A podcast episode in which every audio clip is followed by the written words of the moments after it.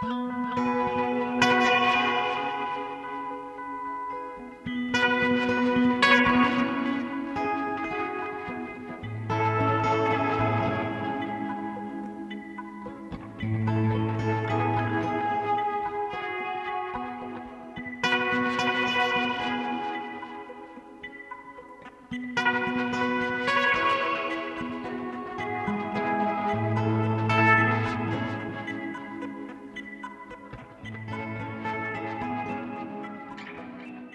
Heyrandi nær, Sparks bræðurnir og Rómeo og Júlia. Í viðsjóðdagsins segir Snæbjörn Brynjarsson leikúska greinandi þáttar okkur frá frægustu ástarsögu allra tíma, leikritinu Rómeo og Júliu eftir Shakespeare sem syngt er í þjóðlugkúsinu um þessar myndir í leikstjórn Þorleifs Arnar Arnarssonar. Handritið í síningunni hefur vakið nokkra aðtegli fyrir aðgengileika sinn, þýðingin er ný og talmálsleg. Það eru þau Jón Magnús Arnarsson og Harpa Rún Kristjánsdóttir sem þýða. Hljómsveitin Sparks skýtur einni upp kollinum í þætti dagsins. Bræðurnir Rón og Russell Míl hafa í ár skrifað og samið tónlistina fyrir kvikmyndina Annette sem frumsýnd var á kvikmyndaháttíðinni í Cannes í sumar en einnig er að koma út heimildamind um bræðurna. Einnig vekur það aðtikli að í ár 2021 eru komin 50 ár frá útgáfu fyrstu plötu þeirra og því ætlum við í Víðsjá aðgefnu tilefni að velta okkur aðeins upp úr þessari skemmtilegu hljómsveit í þætti dagsins. Arljótur Sigursson verður með okkur að vana með tónlistarhornið Heyrandi nær. Í dag minnist hann hins geggjaða snillings Lee Perry. Við fáum að liggja á hleri í heimastúdiói hans Svörtu örkinni þar sem hann framleiti margar grundvallar plötur reggitónlistar og þróaði áfram hérna byltingarkendu döpp tónlist. En við byrjum viðsjóna í leikhúsi. Snæbjörn Brynjarsson tekur nú við. Þekktasti harmleikurinn frægasta ástasagan. Það er hægt að nota þessi orðum leikrit William Shakespeare að þess að íkja því við könnumst flest við grunnstefin í Rómiu og Júliu. Við vitum að í Verona borg eru tvær óásættanlegar fylkingar, ættirnar Montag og Capulet. Þau eru af sitt hvori ættinni, Rómiu og Júlia og mega því alls ekki elska hvort annað sem á endanum leiði til þess að ungmennin fremja sjálfsmorð. Það getur verið áskorun að setja upp svona kunnulega sögu fyrir áhörundur sem líklega hafa séð kvikmynd með Leonardo DiCaprio eða Claire Danes eftir leikstjóran Baz Luhrmann eða lesið verkið í ennsku áfanga í mentaskóla, nú eða séð uppsetningu Vestuports fyrir tæpum 20 árum. En Þorlefi Erni Arnarsinni og leikóp hans tekst ágætla upp í síningu sem eru uppfull af tónlist og uppreysnaranda úlingsins. Og síningin minnur um sumt á aðra kvikmynd Baz Luhrmann, nei ekki Rómi og Júlium, heldur Múlan Rús. Leikgerð Þorleifs byggir á þýðingu bróður hans Jóns Magnús Arnarssonar og Hörpurúnar Kristjánsdóttur. Þetta er fjórða íslenska þýðingin á leikritinu. Mattias Jokkumsson þýtti það fyrst 1887 og svo liður 70 ár þar til Helgi Haldanásson endur þýtti það. Nýjasta þýðingin fyrir utan þessa er svo þýðing Hallgríms Helgasonar árið 2002 en hún þótti mjög nútímaleg og á köplum klámfengin. Allar þýðingarnar endur spekla tíðarhanda og personuleika þýðandana Það er ljóst að árið 2002 var hægt að leifa sér grófara mál en 1887 en samt sem áður minni mig að einhverjir íaldsamir leikúsunendur hafi gaggrind þýðingu Hallgríms emitt fyrir klúrt mál. Um þessa tekstasögu er Jón Magnús mjög meðutadur því að B.R.I. gerðans úr bókmyndafræði frá því fyrra má lesa samanburðans á þessum þýðingum.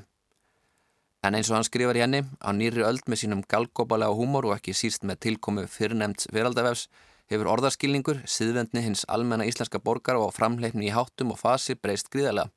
Nú má segja blátt áfram það sem áður þetta segjandi rós, en einni hafa þýðingar orðið frjálslegari, samhliða því að verðing fyrir stórskaldinu Shakespeare og því hvernig verkans hafa verið sett upp trekk í trekk í gegnum aldeinar, hafa mingað. Báðar þessar breytingar eru aðfinna góða.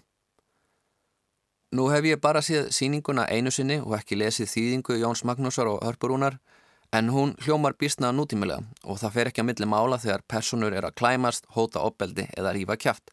Þetta er lifandi og kraftmikið mál sem flæði vel og það væri gaman að sjá eða lesa fleiri nútímilega þýðingar á öðrum verkum Shakespeare frá tvíekinu. Það sem er virkilega aðteglisvert við þessa útgáfu verksins er hvernig við áhörður í dag hljótum óhjákamulega að sjá hana í sammingi við MeToo-byltinguna og með meiri meðutund um kynferðisopbeldi og opbeldi almennt. Verona er obeldishöldur staður þar sem kallmenn eru ógnandi gagvart hvort öðrum og konum líka. Það er ekki hægt að afskrifa aldur Júliu verkinu sem hluta af tíðaranda Shakespeare heldur. Shakespeare byggði leikritið sitt á ítalskri sögu en í fyrri útgáfum var Júlia öllitið eldri og Shakespeare ákvaða ingjan úr því að vera 16 niður í 13 sem er ansi stort stökk. Aldurinn er líka eitthvað sem fadir Júliu nefnir í verkinu. Arnar Jónsson í hlutverki ættföðusins nefni það við París Greifa, leikin af Hallgrími Óláfsinni þegar þeir eru að spila golf, að það sé mögulega full snemt að gifta Júliu því hún sé of ung. Það er alveg í samræmi við tíðranda leikskáldsins þar sem það kom fyrir að börn aðalsmannu voru gift af pólitískum ástæðum á úlingsaldri en meðal giftingaraldur var einhvað síður í kringum 26. Ást, Rómeu og Júliu er ofsafengin en það eruðu úlingar og í henni fælst uppreist. Um þetta er Þorleifur Bísna meðvitaður og honum á þjóðleikursunni til Hrós hafa þau bóðið úlingum frímiða á þessa síningu eða í það minsta fyrstu fimm síningarnar. Það eru DJ-ar fram með að spila og ungmennin hafa möguleika á að hanga í húsinu til miðnættis sem ennú ekki amalegt í ljósi þess að það er meir en flestir skemmtistæðar geta bóðið upp á í augnablikinu. Á frumsýningunni voru þessi ungmenni eins og hluti af síningunni þegar voru nánasti sínis á fremstu bekkjunum sem voru eins og grifja á tónleikastað og hluti af gamninu var að fylgjast með viðbröðum unga fólksins við síningunni sem virtist fíla tónlistaratriðin í botn að mistakosti. Sýningin sérilagi fyrirlutunar er að stórum hluta tónleikar með tónlist eftir vinsela tónlistamenn að borði Bríetti Ísis Elvar, Auð og Sölku Valstóttur. En vikjum nú að aðalatriðinu. Ebba Katrín Finnsdóttir og Sigur Bjartur Sturla Allarsson sem einni koma á tónlist og texta í verkinu passa vel í hlutverk sín sem Rómeu og Júlia. Það eru alls konar stefnur og ströymar sem mætast í myndrætni framsetningu verksins, sérstaklega búningahönnun. Bleikir, grænir og skærir neonlitir, loðfeldur og beinagrindur voru hlutafinni og það mætti alveg lýsa sumum búningum sem kawaii goth. En fyrir mér sköpuðust hugrenningatengsl milli þess sem ég sá þarna á sviðinu og músikmiðbanda Karju Pamju Pamju og annara japanskra tónlistamanna. Aðeins þó að ég viti hvort búningahönnuðurnir Urður Hákonadóttir og annar hún Tryggvadóttir hafi sótt innblástur þangað. Í það minnsta er einhvers konar melankólísk og melodramatísk flippuð en samt þunglindisleg jáðar úlingamenning sem greinilega er verið að fanga og hinn granvaksni fölleti Sigurbjartur passar vel inn í þá fagufræði. Ebba hins vegar vinnur mikinn leiksigur í sínu hlutverki sem Júlia sem er svo persóna sem tekur mestum breytingum, tekur stærstu stökkin ef svo má segja í verkinu. Arnar Jónsson er enn eina ferðina látin leika feðraveldið og þó svo feðraveldið sé klísja og Arnar sé ekki lélugur í sínu hlutverki þá er það full fyrirsjánulegt. Örn Átnarsson og Sigurður Sigurjónsson voru betur nýttir sem stór skemmtilegir kommentarar á leikritið í fyrirlutaðess en það var erfiðara að skilja samruna Mercutio og Prestins í eitt karakter. Þetta eru gjörólíkar personur í leikritinu sjálfu, en það er ekki það sem veldur vandræðanum. Í sjálfu sér gæti einræða Mercutio um möbu drótingu komið vel út úr munni munks eða prests, en það er erfiðar að skilja hvernig ungmenni eins og Rómeo gæti átt trúnaðafinn sem er líka sáluhjálpari fyrir Capulet fjölskytuna. Fyrir utan að dauði Mercutio er það sem íti Rómeo út í að ráðast á típalt Ofsafengin, opbeldisfull og eitruð kallmennskan í personu Mercutio er vel tólkuð af allara sigursinni en sá karakter ennur ekki átakalust saman við fríðastillin sem er munkurinn Lorenz. Skinsanlæra hefði verið að samena einhverjar aðrar personur, nú eða bara halda Lorenz inni í einhverju mynd. Svo bætist við eitthvað annað stiga merkingu í því að leikarinn sem leikur Rómeo er sonur leikarinn sem tólkar Mercutio og hann áarpar hann sem föður, sem dregur ekki úr rugglingnum. Er Mercutio vinur Rómjó, fadir hans eða prestur? Hallgrímur Ólásson er stór skemmtilegur sem par í skrefi, meira hjákallugur en ógnandi, en bæði Hallgrímur og Hilmar Guðjónsson í hlutverki Ben Volio eru menn sem kunna taka salin með sér í stemningu þegar síningar krefast þess. Nína Dögg Filipusdóttir leik Júliu í frægari síningu Vestuport sem ég á búin að nefna fyrir í pislinum, en núna tæpum 20 árum síðar er hún í hlutverki móður hennar og leysir það ágætlega. Ólafæja Hrann Jónsdóttir er frábæri hlutverki fórsturnar. Hún er það góð leikona að það verist allt áreinslu löst hjá henni en hún nær bæði að draga fram komíkina í hlutverki fórsturnar en líka harminn sem líkur að baki alþjóðkonu sem misti engadóttu sína og ólso upp aðra fyrir annað fólk. Það er margt sem ég skildi hins vegar ekki við sviðismyndina í verkinu, ímins tákn í búningum og sviðismynd sem ég þóttu ekki komast til skila, en margt sem var fallegt líka. Eins og oft með þið fyrðu litla stóra svið þá eru það einföldustu sviðsmyndirnar sem virka best og það verðist Ilmur Stefansdóttir skilja vel. Það eru sérílagi textaskilabúðin á skjánum í síðari hlutanum sem ég, áttaði mig ekki á hverju átt að skila en diskokúlan sem var loðinn að innan og grafísið sífandi í lok verksins þóttu mér hefnast vel. Í bæði búningum á sviðsmynd, úir og grúir af ólíkum táknum og hugmyndum sem eru mistak í útværslu en það kemur inn á annan mögulegan galla sem er kaldaðin fjallaðin sem stundum loðir við síninguna. Að mörguleiti er atbyrðarás Rómi og Júliu sjálfsmór tvekja úlinga fyrir ástina svo hröð og ástriðufull að hún getur orðið komisk fyrir ekkert en tragísk. Hún er vand með farin en svo mikið er víst að nútíma áhórandi þarf enga postmótiníska aðstóð til að geta sett sig í kaldaðinislega fjallægð frá þessari logandi úlinga veiki. Það sem er vel gert í síningunni endur spekla styrk Þorleifs Arnar sem leikstjóra. Hann er sennilega besti greinandin sem starfar í íslensku leikúsi með sterkar listræna sín. Hans uppfærsla af Rómeo og Júliu talar við samfélagið um hluti sem eru nýlega búinir að gerast og eru að gerast. Rómeo og Júlia er fagurfræðilega spennandi og síningin fangar vel létt andrúslótt fyrir hlutans þegar maður gæti nánast ímynda sér að um gamanleikværi að ræða og færir harmþrungin og ljóðrænan tekstan inn í 2001. öldina á ágætla útvarðan hátt í síðari hlutunum. Þessi fyrri og setni hluti eru eins og tvær ólíkar síningar en það hendar vel fyrir eins margslungið verk og harmleikin um Rómeo og Júliu. Ok, ok. Oh my god, já, getur við please? Já, já, já, ég lofa, ég lofa. E Já, já, ef þú fyrir til að koma til mín. Já, ég er straff eftir ballið. Mm. Nummer þrjú. Ó, oh, já. Oh my god, love you too. Bye. Mm, bye. Júvill er hann sætur, er hann sætari en ég, nei. En hann hefur samt, eitthvað sem ég ekki hef. Rómjó og Júlia, það passar frekar vel. Hann er pínuð þunglindur en kannski líka ég. Treystu mér, ég mun reynast trúri en gálur sem lað ganga á eftir sér. Elskar mig, baby þú mun játa á staðnum og vilja giftast mér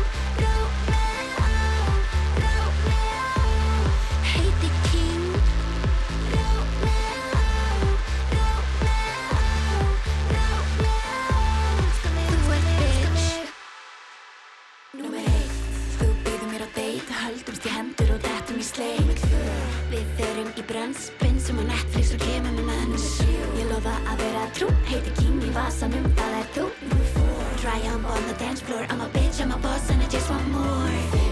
Ég hleypi þér inn Romeo, það er vilji minn Þú í heimi minn leggst Innur er ástin og mitt okkar verst Það skam ég bara við tvö Böðumst á milli drátta Ég gef þér tíu stig Hendur svo nefni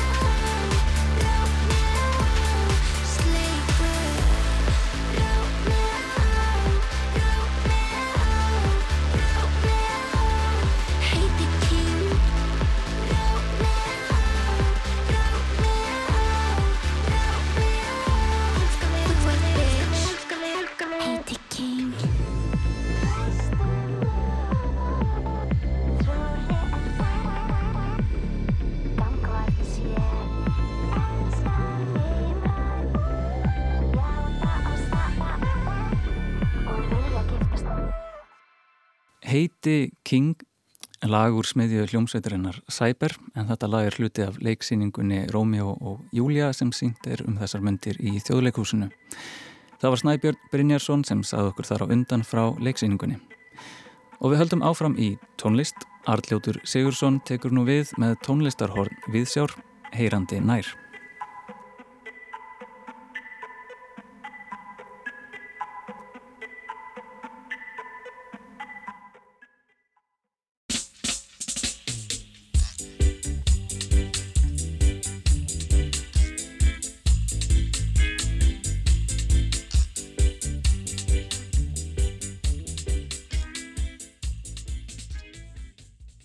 Fregnir bárust heyrandi nær nýlega að jamaikanski tónlistarmadurinn Lee Scratch Perry hefði kvart hennan heim sattur lífdaga 85 ára að aldri.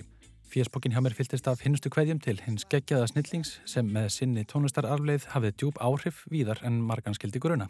Hans er minnst fyrir grundvallar þátt sinn í þróun döbb tónlistar sem er tilurna kent afsprengi reggisins og væri hægt að skilgreina sem eins konar Dub var upphaf remixins eða endur hljóðblöndunar þar sem upptökustjórin leikur lausum hala með fjölrása segurbandið og endur hugsar útsetningarnar á mixerborðinu, jafnan með íktum hljóðbjögunum. Með Dubbi spratt fram nýtt vinnuferli í tónlistasköpun sem rutti veginn fyrir ráftónlist í hinnum víðasta skilning og síðar var formið útvikað í danstónlist almennt og segja má að til dæmis jungle, drum and bass, hip-hop og fleiri stefnur séu runnar beint undan revíum Dubbsins. Á blómaskeiði sínu reyndi Lý Perri á þólmörk þess á Ímsa vegu, gerði margvíslegar tónlistartilunir, notaði hljóðusmölun eða sömplun langt áður en það var viðtekin venja. Fá nú að heyra stuttbrót af saminu hans og King Tubby, Blackboard Jungle frá 1973, jafnan titlað fyrsta döblæðið. Calling the meek and the humble, welcome to Blackboard Jungle. So don't you fumble, just be humble.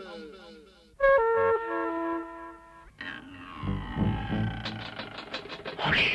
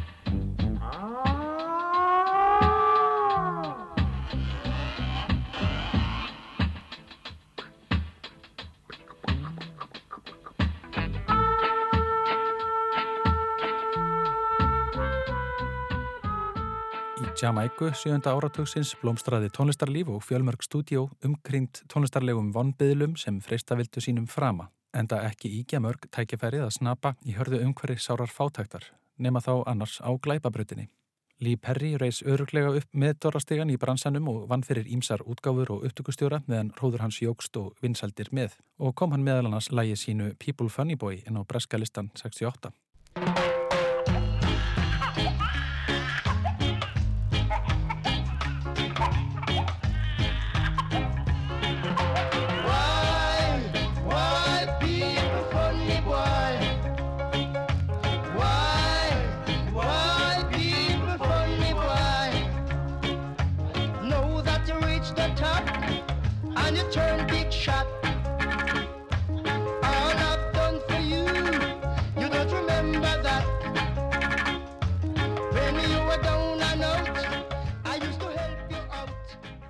Þarna heyrist í frumstæðri hljóðsmölun Perry en það er barnskrátur sem hann innviklaði í hljóðmyndina. Perry þótti tónlist ekki bara eiga að vera um ást heldur vildi hann fanga heiminn inn á segurbandið og fjölga yrkiseflunum. Það brindi hann fyrir hennum unga og upprennandi Bob Marley þegar hann styrði upptökum á fyrstu plötu hans.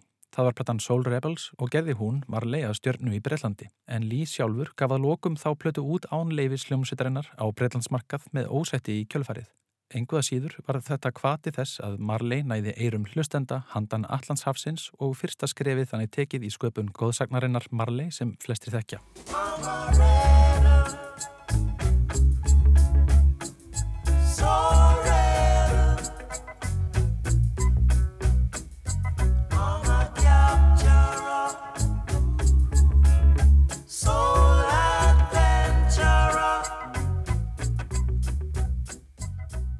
Upp úr aldamótum var ég í lestarferð hvar frændi minn dró upp við þarnar útgáfuna Arcology, pakfullt þryggjaðiska sapn sem innihelt músík sem Lískats Perri gerði frá 74 til 79 í sínu eigin stúdiói Svörtu Örkinni eða The Black Ark.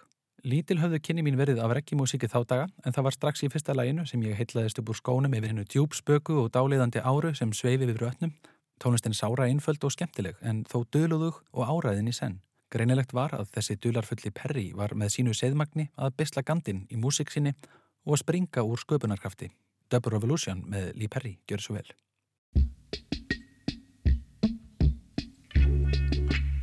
Do you read me? Loud and clear.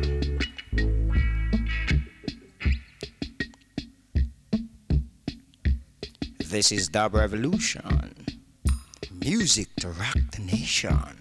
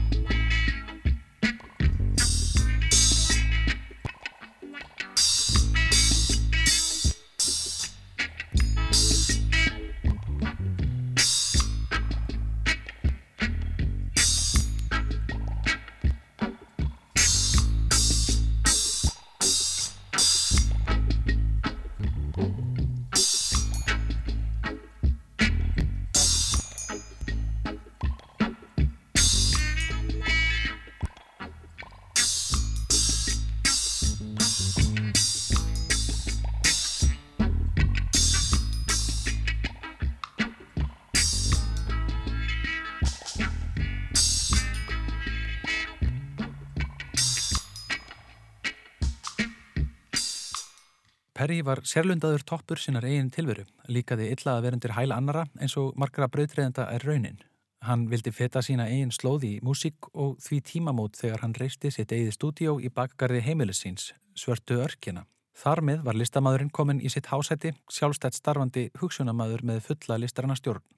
Einhver áætlaði stúdióið um 16 fermetra og döði honum til upptöku aðeins fjögurar ása teipjel en svo flinkur var hann í stúdiókunstinni að þrátturir teknilegar takmarkanir tókst honum að sexfalda getu græinnar sinnar og enn meira telja sumir. Þetta er aðeins hægt með meira próf í upptökutækni en það líktu að koma úlvalda í gegnum nálaröga.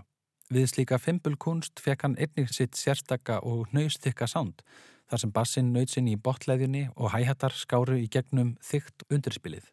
Þegar Lý sjálfur var spurður að því hvernig hann næði eiginlega þessum fjölda rása á segulbandið, þakkaði hann geimverunum fyrir. Margar skraullegar sögur eru til af honum og oft erfitt að greina milli snilli og gegjunar þegar hann ná í hlut. Hlustum nú á Dreadlocks in Moonlight. A time to sow and a time to reap, yes my friend. The seed you sow, that's what you shall reap, a bring a bend. Light the fire to burn this naya, but it no work out. You're just a weak out, yo. You send your big neck police friend fi come cool I up, but it no work. For Jaja walk right in and cool up the scene. You get a jerk. That put their trust in Jah shall be like Mount Zion high. That shall never remove it. Right. Ekki leið á löngu þar til velgengni hans laðaði að sér alls konar líð sem í örbyrð sinni flyktist þanga sem peningaðið að tækifæri verið mögulegt að finna. Vafasamt lið sem jafnvel sildi undir fölsku flaggi vinsendar en slægir höstlerar undir niðri. Slíkt álag dró ekki úr paranóinu hans og hann tók að flæma fólk burt frá sér. Margar sögur eru til af gjörningum hans á göttum Kingston, meðan hans tók hann rúndin með bílfarm að svínakjöti til að fæla burtu rastafara. Svo gekk hann aftur og bakk um göturnar og sló jörðina með hamri.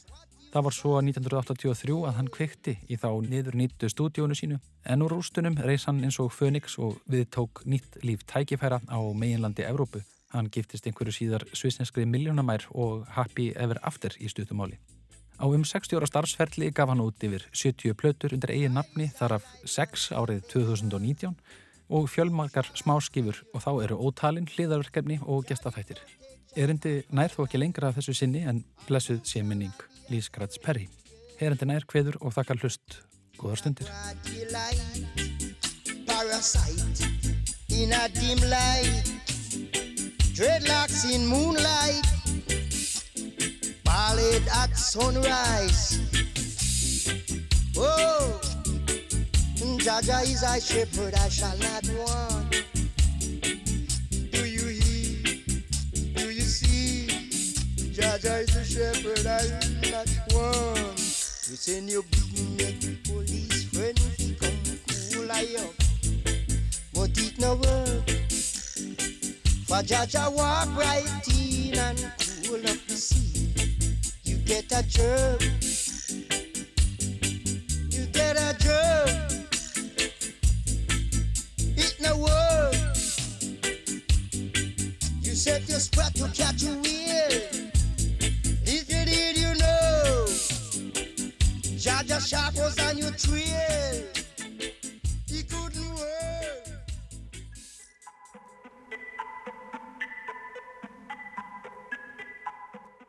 Það var Arljótur Sigursson sem sað okkur þarna frá reggi listamanninum Lee Perry sem lest nú á dögunum. Tónlistarhornið Heyrandi nær verður hér aftur að viku liðinni. Og við höldum áfram í tónlist. So, may we start?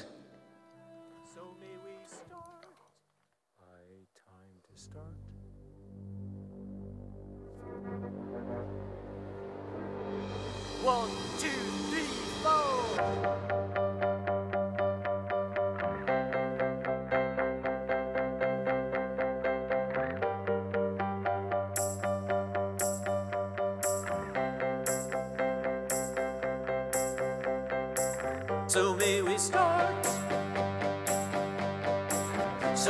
We start.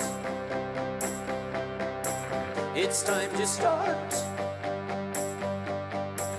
High time to start. Megum við byrja? Megum við byrja, megum við byrja. Spyr kynningamindband kvikmyndarinnar Annette. Í stiklunni fylgjumst við með hljómsveit í hljóðveri spila þetta lag í nokkur augnablík áður en söngvarinn og hljómborðsleikarin standa upp og ganga með okkur út úr hljóðverinu.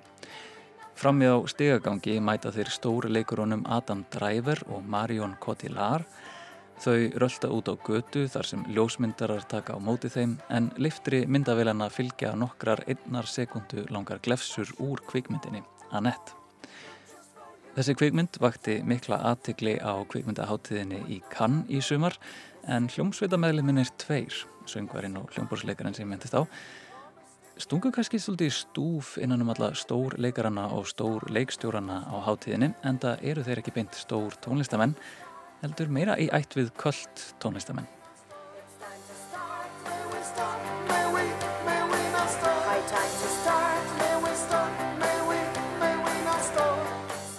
Þessir tónlistamenn í stiklu Annette eru bræður og heita Ron og Russell Mæl og samanskipa þeir hljómsveitina Sparks og samferða kvikmyndinni Annette kom út í ár heimildamind um þennan duett sem heitir því afar gagsæðanamni The Sparks Brothers eða Sparks Bræðurnir. All the years that I've been making music, if you get on a tour bus with a bunch of musicians, eventually the conversation will go to Sparks.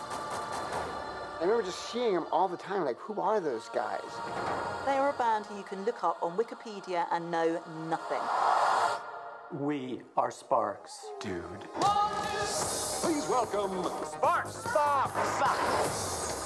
2021 er því nokkuð stórt ár fyrir hljómsveitina Sparks en í ár eru hvorki meirinni minna en 50 ár liðin frá útgáfu þeirra fyrstu plötu og í tilefna því ætlu við í þætti dagsins að setja þessa afar sérstöku hljómsveit undir við sjóna en það er eins og er stórt og mikið verkefni. Sparks hafa gefið út hátt í 30 plötur á ferli sínum og þær eru allar eiginlega jafn ólíkar og þær eru margar. Spurningin er því hvar byrju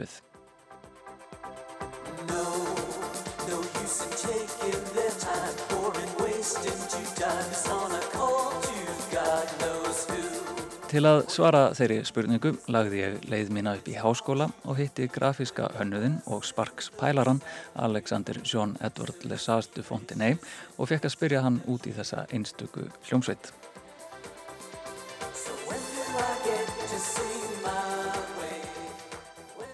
Þetta er svona arti en samt mjög útpæld en samt á saman tíma létt tónlist svona alltaf erfitt að útskýra kannski Já. Ég var mynda að reyna einhvern veginn að ná utanum hvað mér fannst eins og einmitt, þeir hafa verið flokkað sem art pop og ég hugsaði það kannski nær ykkur utanum en Já. kannski írónist pop líka. Einmitt. Já, írónist já, klárlega, það er svona minna mann á einhverju leiti svona Frank Zappa og Weird Al Yankovic jafnvel, einhverju svona tónlista eða þú veist, listamenn sem vinna inn, inn í tónlistageiranum en er einhvern veginn að leika sér með hann en ég hef alltaf samt geta tekið þeim alvarlega og fíla tónlistina, þú veist, hlusta á hana og svona pælt í henni en ekki bara tekið henni sem einhverju gríni Og svona, hvar, hvaðan koma þeir? Hvar, hvar, byrjar þessi hljómsveit? ég held kannski svona fyrsta stóra platan hjá þeim sem að svona er oft svona ingangsplatan fyrir suma. Ég datt inn á hana uh, þegar ég var í plötubúð í London. Hún er frá 1974 og heitir Kimono My House og hún er svona talin vera svona frægast svona fyrsta fræga platan þeirra.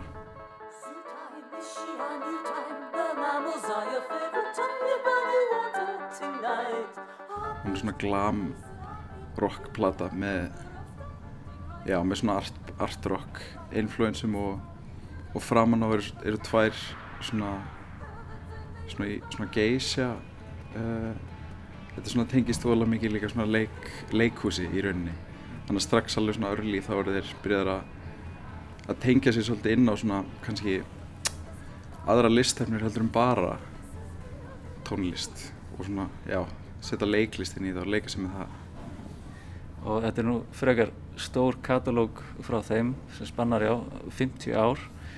Það er mjög erfitt að svona ákveða hvar maður á að byrja og þetta er svo fjölbreytt efni. Ertu með eitthvað svona plötu sem að þú myndir mæla með það til að fá svona allavega smakk af því hvað Sparks er? Já, ég er náttúrulega búinn að minnast á Kimono My House. Svo er Number One in Heaven. Hún er mitt uppáhald. Ég held ekki myndi, ég myndi mæla með henni og Kimono My House. Þær eru ólíkar, alveg maður heyrir náttúrulega bara í gegnum ferilin hjá þeim þá eru þeir að skipta alltaf og breyta til og þróast. Svona alltaf í takt við bara hvað er í tísku svona, en gera það svona alltaf á sinn hátt eitthvað en já, ég myndi mæla með Kimono My House af því hún er svona orku mikil og svona glamrock, svona punkuð en Number One in Heaven út af því hún er svona heilstift og hún er eitt svona samfleitt danstónlistarverk í rauninni þeir voru að vinna með hann að Giorgio Moroder uh, pródusörnum tónlistar ráftónlistar góðinu eða einn af svona frumkvölunum í, í ráftónlist eins og við þekkjum henni dag. Þannig bara í rauninni svo staðrind að hann hafi unni með þeim og svo líka plötun sem kom á eftir mm, þá var semst Number One in Heaven hún hérna hún er einhvern veginn svona conceptual disco verk sem gerir hann rosalega áhugaverða en og gefur kannski líka svona smjörþefin að því hvernig þessi grúpa er af því að það í sjálfu sér alveg frekar klikka að gera þannig verk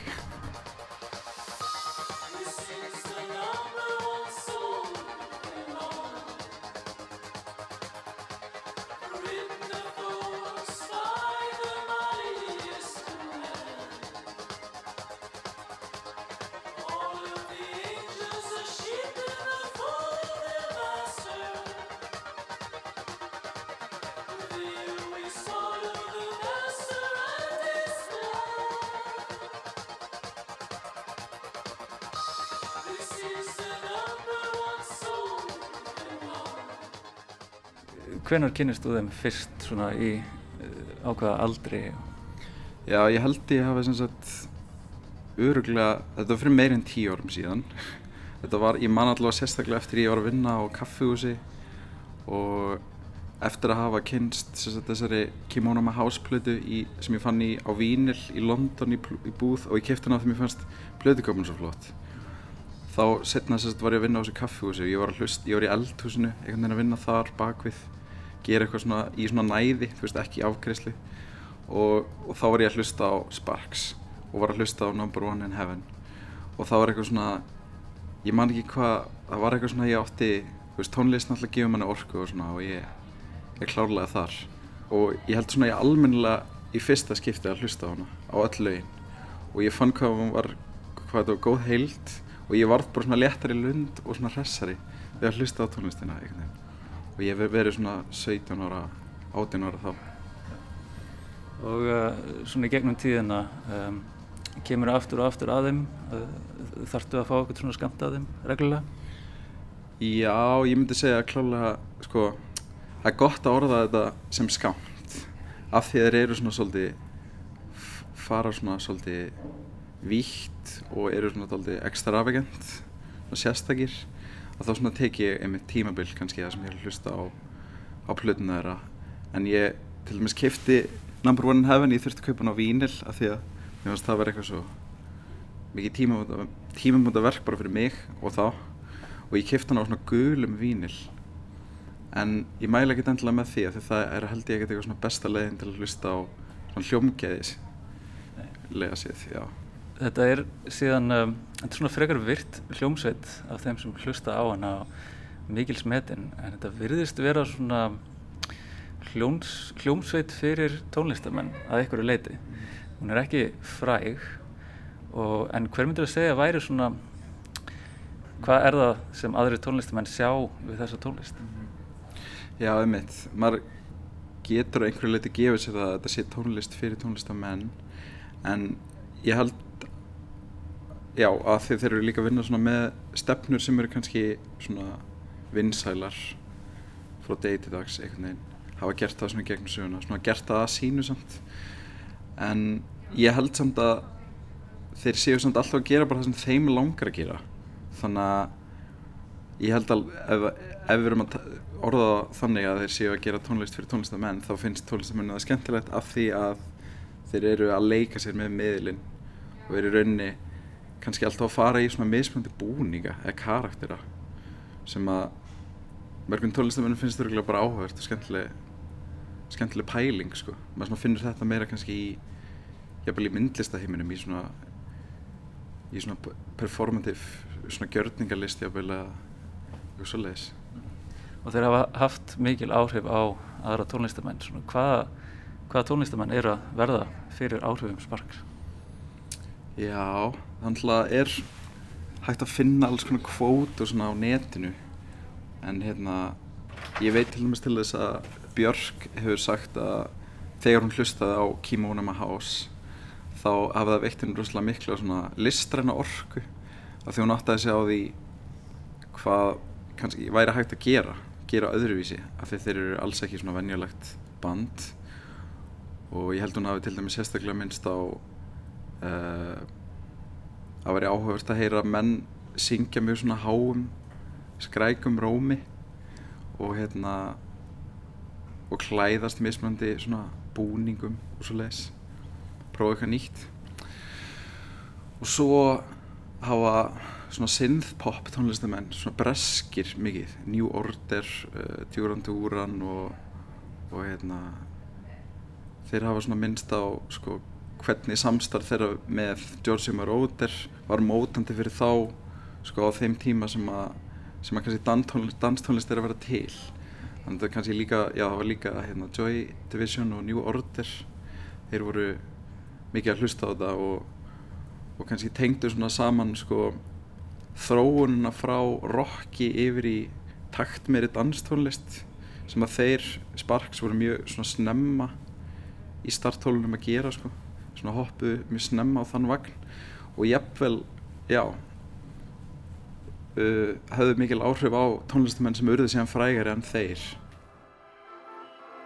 What is this? Where am I? Mr. Bergman, sir. Welcome to Hollywood. Your limousine awaits. Please, get in. Watch your head.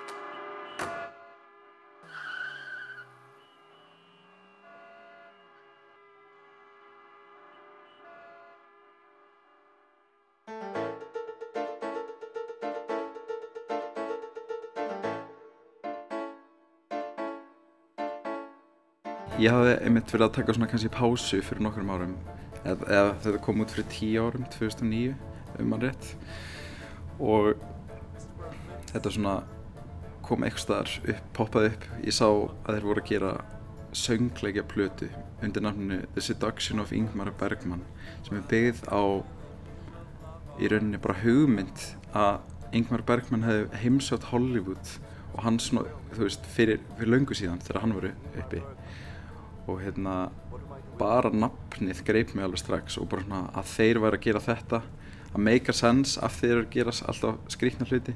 En þetta er búið að þróast töluvert frá svona kannski uppáhaldsplötunum mínum það sem er svona meiri taktur og danstónlist yfir í meira konsept en, en það kannski segja bara svolítið mikið um, um þá konsept tónlistar með Maybe it's too warm for you. I know you're used to really frigid air. Excuse me, where are we going? I am Ingmar Bergman. What am I doing here? I am Ingmar Bergman. I, I demand to know where we're going.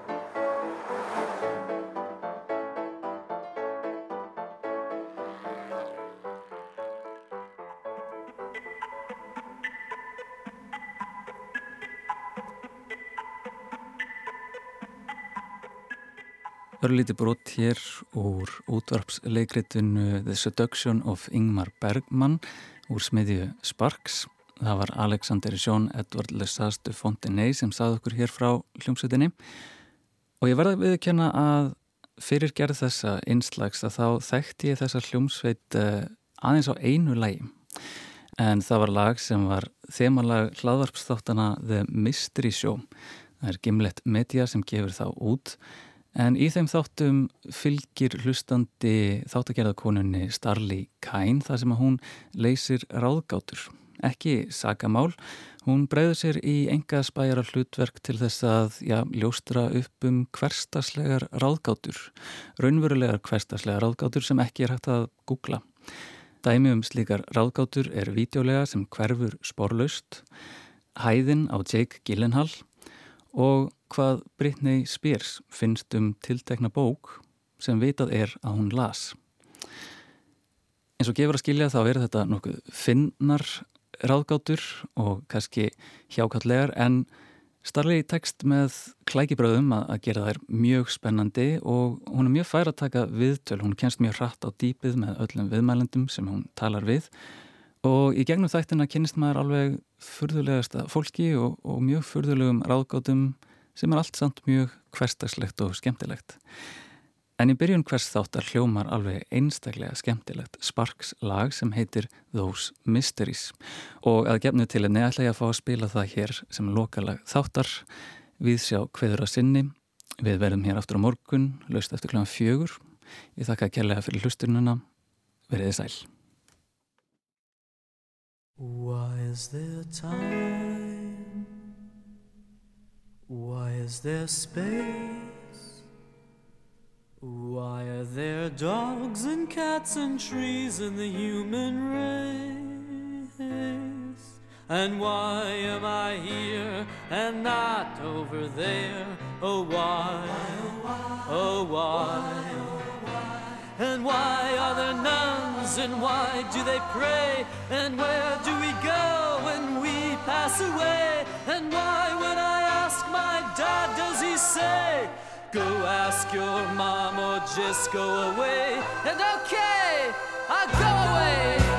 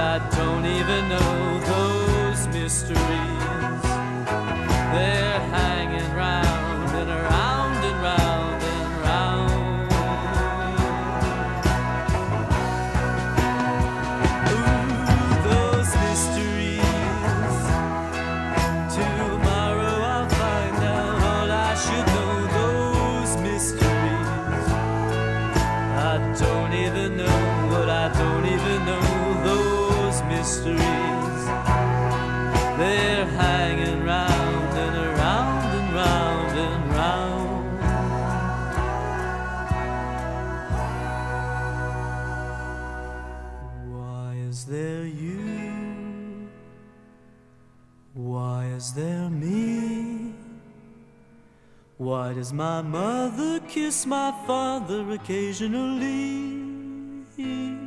And why am I sore whenever I'm hit? Oh, why? Oh, why?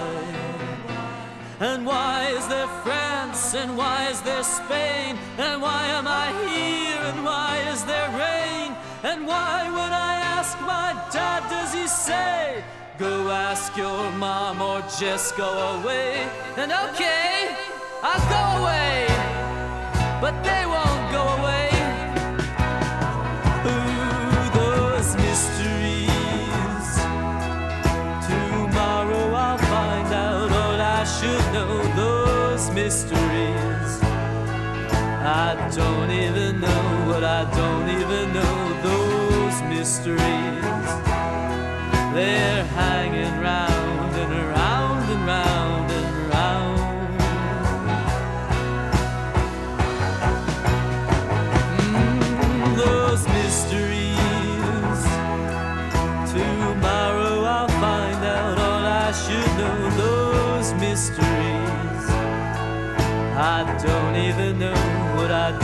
don't know. Those mysteries.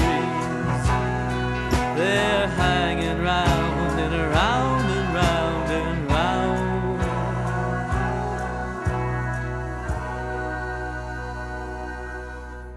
Why is there time? Why is there space?